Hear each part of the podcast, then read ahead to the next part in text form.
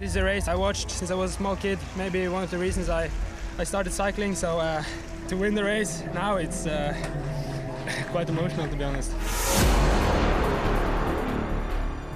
Hjertelig velkommen til den tredje episoden av jubileumspodkasten til Arctic Race of Norway. Det er i år ti år siden den første utgaven av verdens nordligste etapperitt på sykkel. Og vi gleder oss enormt til den tiende utgaven som starter i Kautokeino 17.8 og avsluttes på Nordkapp 20.8. I forrige episode var vi i Bodø og hørte hvordan den første utgaven av sykkelrittet ble mottatt der. I denne episoden skal vi til Harstad. Mitt navn er Roger Solheim, og jeg holder i trådene gjennom denne podkasten. Vi har med vårt faste panel, med TV 2-profil Dag Otto Lauritzen, Arctic Race-ambassadør Tor Hustoft, som også var den første vinneren av Arctic Race of Norway. Det skal vi snakke litt om eh, senere i dag. Og daglig leder i Arctic Race of Norway, Knut Eirik Dybdahl. I denne episoden har vi også med oss ordfører i Harstad, Karianne Oppsal, president i Harstad sykkelklubb, Bjørn Tore Wold, og ansvarlig redaktør i Harstad Tidende, Kjell Rune Henriksen, som også er dagens vertskap. Ja, Knut Erik. I forrige episode så snakka vi om eh, den mottakelsen Arctic Race of Norway fikk i Bodø, gjennom Lofoten og Vesterålen. Så sa du at du var litt spent på hvordan det skulle bli å komme til Harstad. Som det også er litt knytta spesielle følelser til, eh, til, for deg. Hvordan var det å komme til Harstad i 2013? Ja, nei, det var, det var, helt, eh, det var helt, spesielt dagen, søndagen når den var kommet. og Vi satte oss i bilen og, og, kjørte fra Sortland for å komme inn til Harstad og gjøre klar til, til starten på den fjerde og siste etappen av den første utgaven. og jeg husker det at når jeg for av gårde, så bare sånn, jeg bare, jeg bare håpa at uh, nå kom Harstad til å være med på akkurat samme måte som alle de andre plassene vi hadde da vært tidligere, gjennom Bodø, og Lofoten og Vesterålen.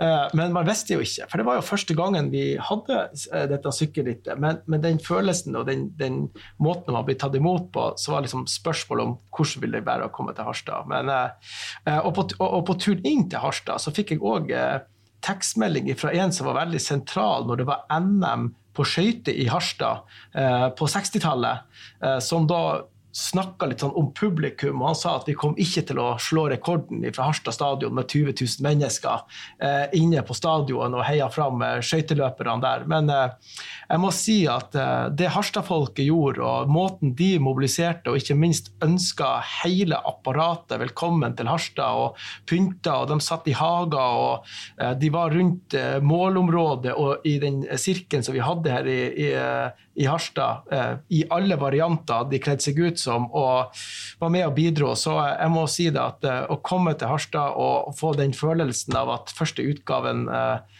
av, av, Arctic Race, alle fire etappene, var et kjempefolkeliv. Og det gleder meg stort å, å få lov til å være med på det som skjedde her. Og Tor, du hadde jo også en spesiell opplevelse her i Harstad i 2013. Kan du fortelle litt om det?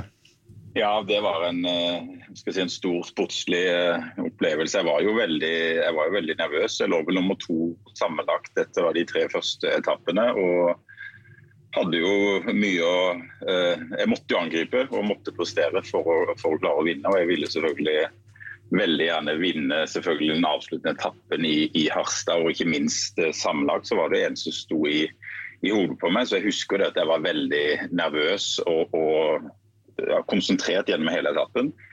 Gikk styggfort første halvdelen før det kom av gårde et brudd. Eh, og så kontrollerte der BMC-laget inn mot Harstad. og Jeg husker den følelsen av å komme inn i Harstad sentrum, opp Strandgata, er det vel det heter. Skolegata. Mot mål Storgata. Skolegata. Skolegata, jeg kan ja, det, aldri lære meg det. Nei, Det er viktig at vi får det rett. Så får vi, det er noen som kommer til å fortelle oss at det var skolegata. Ja, svart, svart. Nei, det, men det folkehavet og, og den, eh, ja, alle de menneskene som, eh, som, møtte meg, så bare tenkte her må jeg bare levere og prestere. Og klare heldigvis å vinne, vinne etappen og vinne da, eh, den blå ledertrøya sammenlagt. Så det var en det var en stor og ikke minst en dritkul opplevelse å gjøre det i, med den stemninga som var der. Mm. Da ble du rett og slett den første vinneren sammenlagt av Arctic Race of Norway? Nei, det var jo første utgave, og da, da, gikk, da gikk, du den veien. Så det kunne ikke bli bedre. Det er veldig bra. Dag Otto, du, du, kjører jo bilen foran, foran rytterne og fanger opp folkelivet, men så når du kommer til, til målområdet, så, så trer du inn i rollen som ekspertkommentator og, og, følge på en måte innspurten eh, på, på, den måten. Hva var det som for gjennom hodet ditt når du så at uh, Thor hadde muligheten til å, å vinne sammenlagt? Ja, altså, Vi skjønte jo ganske tidlig at Thor hadde muligheten. Løypene var jo egentlig sånn at det skulle passe for Thor hvis han klarte å komme over de hardeste bakkene som var, hvordan det ble kjørt med brudd og alt sånn. Men jeg må jo si at jeg hører jo Thor forteller, jeg får nesten frysninger ennå. For det, det var en knallhard runde. BMC gjorde en fantastisk jobb, men etter hvert så begynte jo hjelperytterne å bli skikkelig slitne så den ene etter den andre datt av. Så jeg var litt redd at han skulle bli alene på slutten. Men uh, han gjorde jo en monsterspurt, og uh, jeg så jo kona og barna Tor hadde jo familien der som sto der, så det var så mange som hadde tårer i øynene. Og vi var så letta og glad. Jeg skal jo være litt nøytral når du er ekspert på å kommentere sykkel, men jeg syns jo det var fantastisk moro. Jeg kjenner enda den der gode følelsen.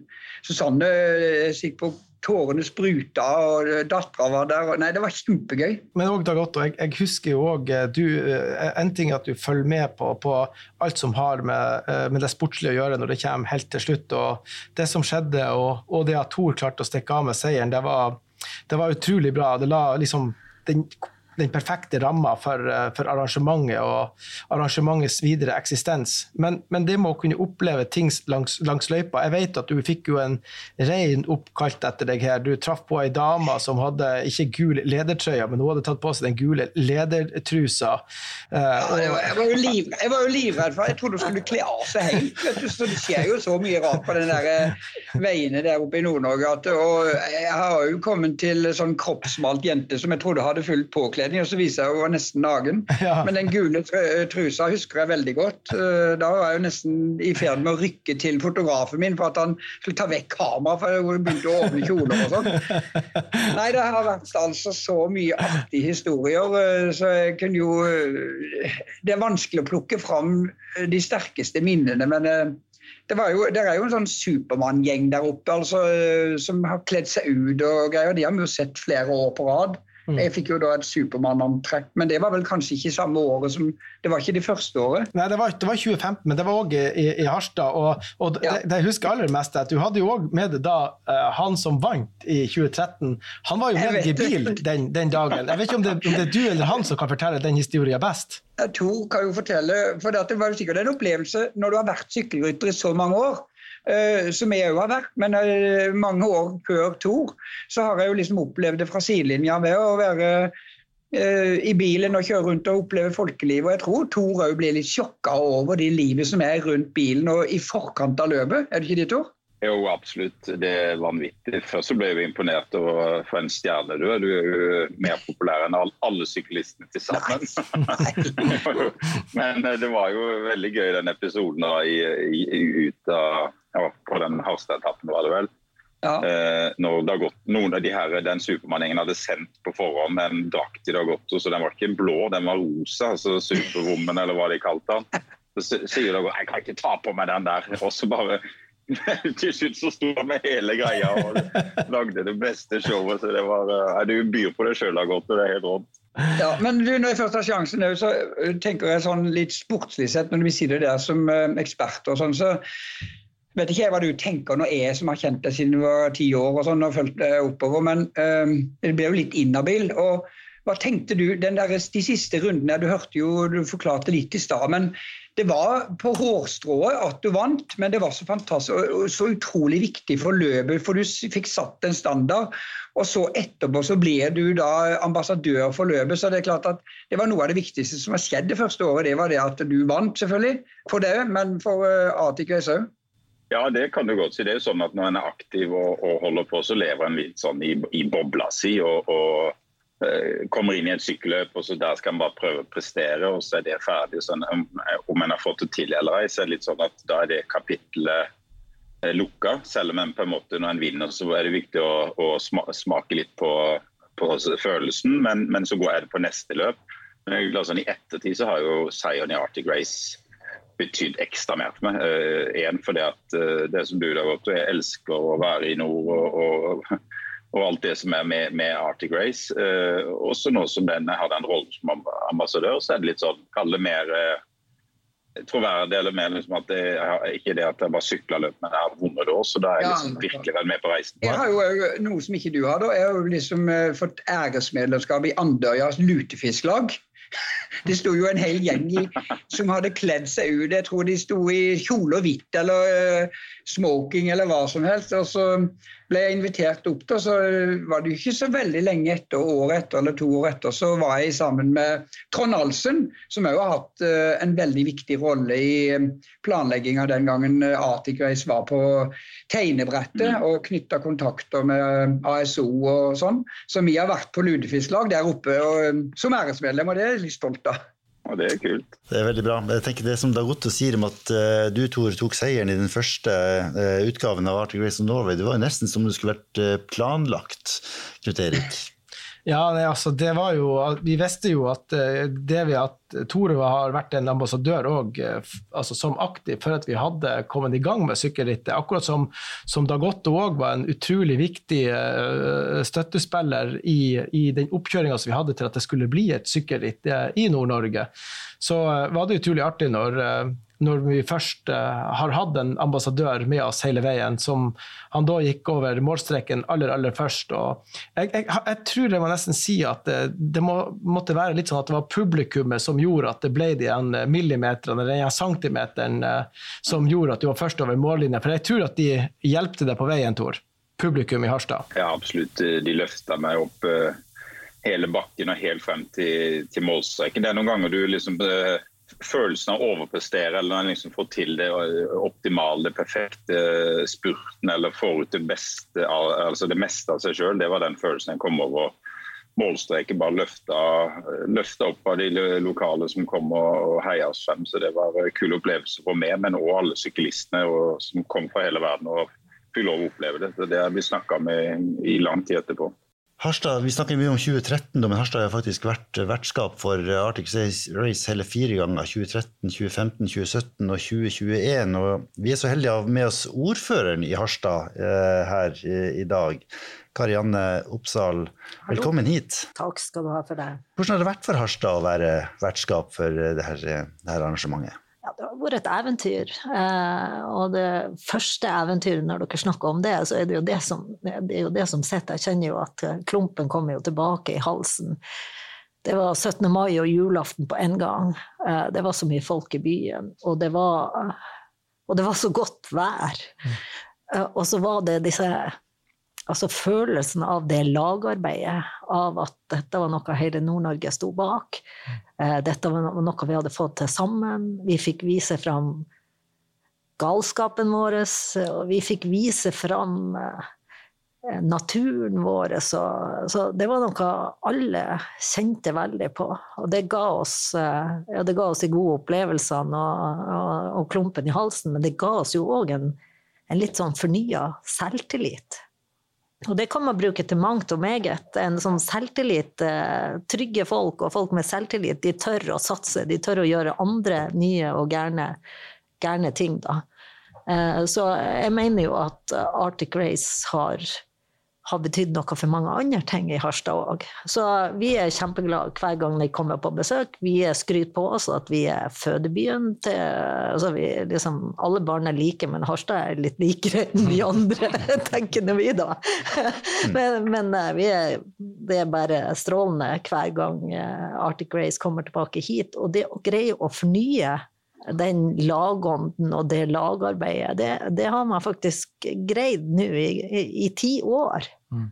Eh, og greier man Man sier at alle ting som er gjort tre ganger, er en tradisjon, men ting må jobbes med og holdes ved like, og det er stadig nye ting, stadig noe spennende eh, som skjer, som gjør at uh, dette har livets rett, og det kommer til å vokse.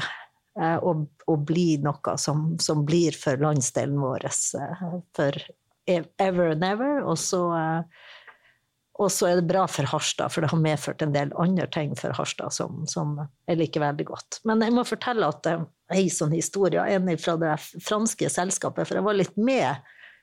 Eh, jeg var fylkesråd for næring og var med og ga, de første pengene til det her eh, idiotprosjektet som Knut Eirik hadde satt i gang. og var veldig nervøs for det. Og blant annet en gang så var vi i møte med ASO. Eh, og så stilte jeg et sånt dumt spørsmål som bare jeg kan. Ja, hva om dette ikke går bra? Og da så han her franskmannen på meg med han, han, tenkte han, Du så det lyst av hele han. Hvor dum kan denne kjerringa egentlig være? liksom, det vil aldri gå galt, sa han jo da på, på fransk. Og så traff han igjen da inne på publikumsområdet når vi kom til Harstad. Da kom han bort til meg og så sa han bare Ja, you know, see, we never fail. så, så, det, så den arrogante, litt arrogante holdninga hadde han helt rett i at han ga uttrykk for, og, og de viste oss at de var proff. Sånn, en ting er på en måte alt det viraken og det man opplever når arrangementet er her. Men hva, hva gjør man i en, i en, by som Harstad for å forberede seg på det her? Altså, får man til en type samarbeid mellom ulike typer krefter som, for, for, å skape et godt arrangement? Hvordan gjør man det? Og det å mobilisere frivillighet, det, det, er en, eh, det, er en, jobb eh, hver eneste gang. Og du må gjøre det på nye måter og bedre måter og skape eierskap. Men heldigvis så så er det liksom, da, da tar fagfolket over. Sånn, da har vi politikerne eh, liksom gitt oss. Da er det noen som er gjennomførere. Eh, vi, vi, er mer sånn igangsettere. Altså, vi gjør folk glad, nå skal vi gjøre det her. Og så er det noen som gjør den tunge jobben med den mobiliseringa. Men det er jo det er på alle områder. Tekniske med, vi henter folk fra idrettslagene. og ja, på mange vis prøver vi å mobilisere. Så mm. det, det er jo litt mer kjedelige delen av det, men som er nødvendig for å få det til. Og så er det jo sånn, Roger, Vi har jo flere gjester, det skal du få lov til å introdusere. Men, men, men det, når Karianne snakker litt om det med at eh, man må mobilisere hver gang, og man må gjøre det på, på nytt igjen, eh, så har jeg lyst til, til Tor og Dag Otto For at vi gjorde noe i 2017 når vi var her i Harstad. og da, det var jo da at eh, Vi, vi starta jo ikke i Harstad, men vi forberedte oss jo her, for at starten var jo på Andørja. og den etappen gikk fra Andørja i Eng på Engnes og til Narvik, hvor de hadde målgang da. Og hvis dere husker eh, etter, så hadde vi jo og Dag Otto er jo kjent for huskestue eh, på TV 2. Men vi laga jo da noe som heter Sykkelstue. Jeg vet ikke om Dag Otto, husker du det? Om jeg husker det? Ja, ja, ja. Det var jo eh, kjempemoro.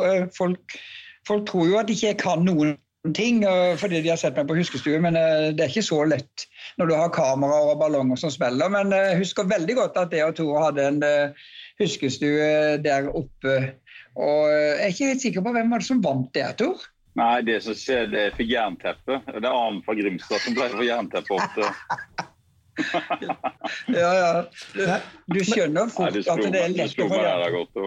Ja, det var, det var, det jeg ville vite, om, om Tor ville innrømme å gi deg seieren. For jeg vet Det var snakk om han prøvde å få en uavgjort der, men uh, det var vel ikke så enkelt å avgjøre hvem det var som var uh, vinneren.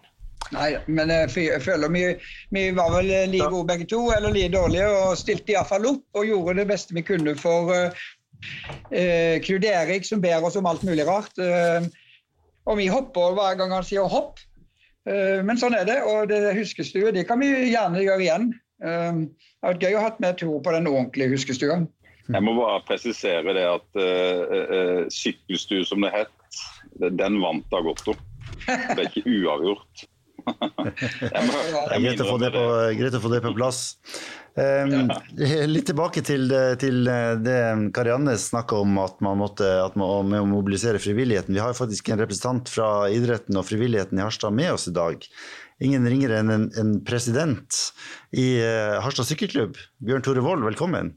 Tusen takk. Tusen takk. Kan ikke du si litt om hva, hva Arctic Race of Norway har hatt å si for sykkelsporten i, i Harstad? For det er også et viktig perspektiv her. Ja, håper ikke Hvor mye tid har vi? Ja, Vi har ikke så mye tid, så vi må bare ta, ta, ta, ta, det viktigste. Ja, Det er helt åpenbart at det hadde veldig mye å si. Og så er det eh, altså, tilbake til starten i 13 og Tor Varnt. Jeg husker det veldig veldig godt. Vi hadde, HSK hadde stand rett eh, attmed målgang, og, eh, og det, det, var en sånn giv. Det var en sånn trøkk i folket. Og det er jo det som er kanskje er det, jeg tenker Den største taken er positiviteten som skapes. Altså, folk får bare lyst til å gjøre noe. Eh, og det har man jo dratt med seg i alle ti årene.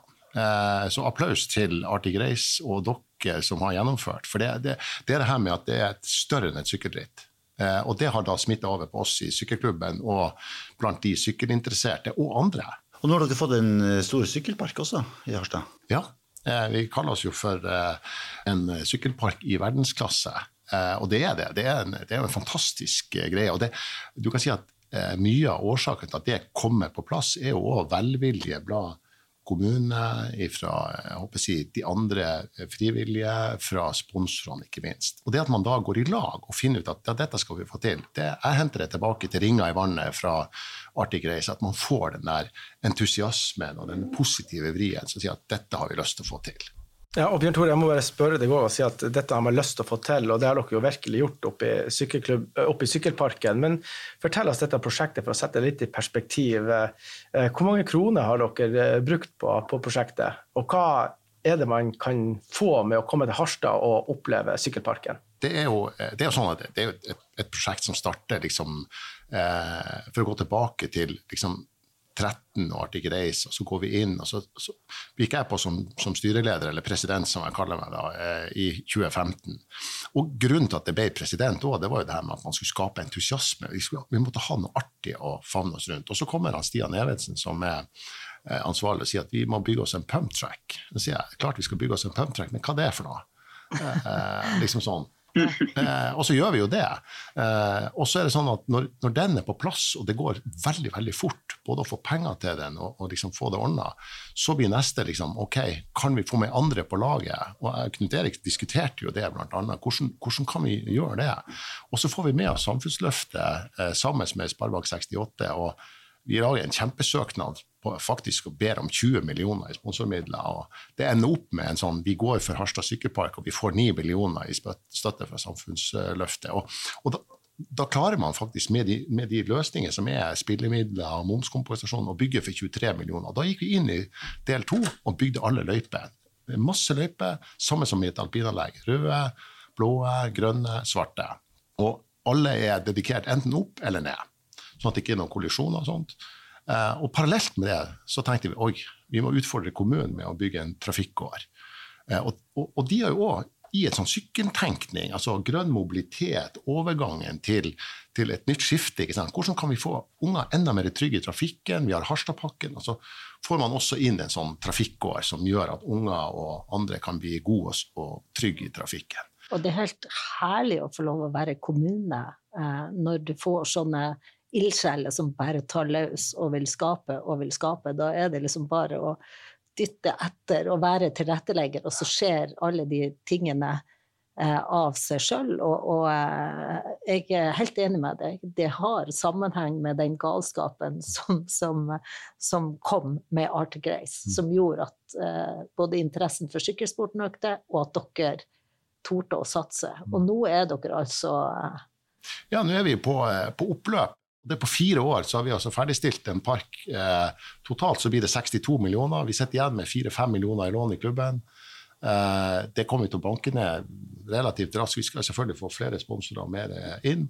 Det som er spesielt artig, det er at vi har eh, Vi bruker Arctic Race sin filosofi. Altså dette med at det er større enn et sykkelritt. Jeg skal gi to eksempler.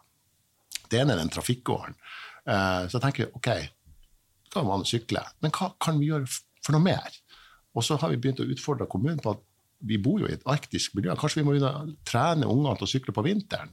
At de får opplæring i det. Altså Lager man en pakke som gjør at også ungene får sykle og lære å sykle på vinteren, så tar vi et, et, et, et generasjonsskifte og en greie på det. Og Der er sendt et eget skriv. Jeg vet ikke om du har kontroll på det, Karianne, men det skal vi snakke om etterpå. Jeg trodde du var ferdig å be om penger, men så artig skulle vi også ikke ha det. Sånn sportslig også er det, så er det fantastisk. Nå kan du nevne så mange sykler, altså de beste navnene i verden, som starta nettopp sin sykkelkarriere sånn, med et sånn type tilbud. Så, og, og, det å få de yngste litt sånn bort fra veien, så føler det frem til de føler seg trygge og komfortable på sykkelen. Og så eventuelt så kan de ta det steget uh, videre ut på landeveien. Så det er et kjempetilbud, og, og de heldige klubben er heldig, og ikke minst de lokale som kan få lov til å bruke det. Så godt jobba. Mm, ja, Bjørn Tore, det, Du har et voldsomt engasjement, og dere får til uh, veldig mye bra. Men vi må litt videre i, uh, i, i programmet her. Uh, og... men, men, jeg må få lov til å avbryte. fordi at når du sier meg, men det er vi. Og det er så mange det er så mange som har bidratt. Mm. Så, det, et veldig viktig poeng. Det, det, det, er det som gjør at vi får det til. Ja, veldig bra. Men tusen takk for at du kom hit og, og ga oss et lite innblikk i hvordan dere jobber. Det er, det er veldig imponerende det dere får til i, i fellesskap. Takk og i like måte. Fortsett med inspirasjon. Vi er jo så heldige at vi har fått lov å låne kontoret til selveste sjefsredaktør i Harstad Tidende for å spille inn denne podkasten. Og Kjell Rune Henriksen, hva tenker du når du hører på det som sies her? Jeg tenker først og fremst på det både Bjørn Tore og Karianne sier om den positivismen vi opplevde også i, i forkant av det første året. Jeg husker jo eh, veldig godt, Vi hadde jo gleden av å være mediepartnere og var jo med og ga ut det magasinet. og var liksom sånn, I det øyeblikket det ble gjort kjent at wow, vi skal få et sykkelsirkus eh, til Nord-Norge, og eh, det skal være en grand finale i Harstad. Eh, altså, Du så eh, næringslivet, de begynte å pynte i butikkene, og det var liksom alle var med. Yes, det her var virkelig noe vi ville bidra til. og, og jeg tør jo også våge påstanden at uh, harstadværinger flest er ikke klar over hvor stor betydning eh, Arctic Race har hatt for uh, Harstad. For det har jo vært knoppskyting på flere områder. Sykkelparken er nevnt. Karianne er inne på andre ting også. Folk bare hiver seg til. Så det var litt sånn, sånn ja, det var en skikkelig spin-off, altså. Og når dere eh, har, eh, har dekt sykkelrittet sykkelritt og folkelivet osv., har dere er noen gode historier, noen ting du, du tenker tilbake på som, har, som du liksom med et smil om munnen tenker det var en, det var en, det var en fin ting? Ja, altså det er jo mange historier her. Noen har jo vært nevnt. Den, de rundreisene til Dag Otto er jo etter hvert legendarisk. Men jeg husker ett arrangement spesielt. Det var to av eh, byens eh, ja, vi kan jo kalle dem ildsjeler tenkte jeg vet hva, vi, vi, må lage hageparty. Den ene var jo litt i tvil, da, men den andre var ikke mer i tvil enn at de var hengt opp et uh, flagg, uh, tror jeg det var på brua inn til byen, at uh, nå, blir, nå, blir, det party. Og det ble det. Så det sier også veldig mye om det engasjementet og den galskapen man snakker om. Ja, og Når han, Kjell Rune sier det, så må, må jo jeg automatisk òg ta med ei lita historie. og Det er jo selvfølgelig etter uh, sykkelrittet er ferdig. Og Det har vært den fantastiske dagen i Harstad. og Nå snakker jeg da om en av dine medarbeidere som journalist, uh, som da treffer på han harstadværingen som kommer gående nedover skolegata etter at ting er ferdig. Han hadde sekk på, på ryggen, det var norske flagg. Han hadde stort sett balkongflagg eh, som han hadde i handa. Det hadde falt ned i bakken, så da slepte han etter seg på tur nedover skolegata. Han så ganske misfornøyd ut. Og journalisten bare tenkte at ja, det er kanskje ikke alle som hadde like bra dag, så vi får spørre han. Og han spurte han om han hadde bra dag. Ja, bra dag, ja, men du ser jo litt sånn mulefunken ut, ikke sånn helt sånn perfekt. Og da kom det bare. Da kom ansiktet ordentlig opp, og han så journalisten i øynene og sa at 17. mai blir aldri det samme etter dette. Så det å kunne vært med på å skape gode, gode rammer, og det har man gjort i, i Harstad uten, uten, tvil, og det har vi sett gang på gang har, har skjedd. Jeg husker jo eh, og det synet håper jeg jo vi får se igjen, selvfølgelig, men, men eh, opp Skolegata, som nevnt, det var jo et, det var jo et eh, eventyr, mm. rett og slett. Ja, det beste bildet jeg syns, det var det var Garden på Shape, når de sto der og spilte. Det, ja, det, var, det, det blir å sette hele livet ut. og, og, når Karianne sier det, så må jeg faktisk si noe som vi snakka om tidligere i dag. For at, uh, det er ikke så veldig mange årene siden så jeg kom med fly til, uh, til Evenes. Så satt jeg i taxien på tur inn til byen. Og så uh, sier han taxi Det var ei dame uh, som, som, kjørte, og sier at uh, ja, du skulle ha sett de amerikanerne som jeg hadde i bilen for litt siden. De skulle inn, og de skulle bo på hotellet i, i, Harstad. Og de prata nå, og hun spurte hvorfor, hvorfor kommer, hvorfor kommer dere til Harstad. Nei, de skulle opp på Kaipen. Og, hun skjønte ikke hva Kaipen var for noe, hele store, og prøvde å spørre flere ganger. og Til slutt så sier han amerikaner at ja, vi skal under Arctic Race, på den toppen der Kongens Garde sto og spilte, vi skal besøke den toppen. Eh, og da var det jo noen som da valgte å komme hit eh, og ønske å besøke den toppen som de hadde sett Kongens Garde på. Så det skjer nå en del ting når man får oppleve å se ting fra i sofakroken en eller annen plass i, i verden. Så det husker jeg òg veldig godt. Ja, det er, mange, det er, mange, gode historier fra, fra, Arctic Race of Norway. Vi kan vel bare slå fast at den første utgaven eh, ble en suksess. Eh, og i neste episode skal vi til Tromsø. som var målområdet for den andre utgaven av Arctic Race of Norway, og høre hvordan det var å gjenta en suksess. Vi vet jo at det kan være krevende, men det blir spennende å høre mer om det i neste episode. Da sier jeg tusen takk for følget, alle dere som har vært med. Eh, mitt navn er Roger Solheim, og jeg har prøvd å holde i trådene her. Det er ikke så lett når det er mange som eh, ønsker å, eh, å, å si mye, for det er stort engasjement. Men vi gleder oss til å spille inn flere episoder og til å være i Tromsø i neste episode. Så takk for følget.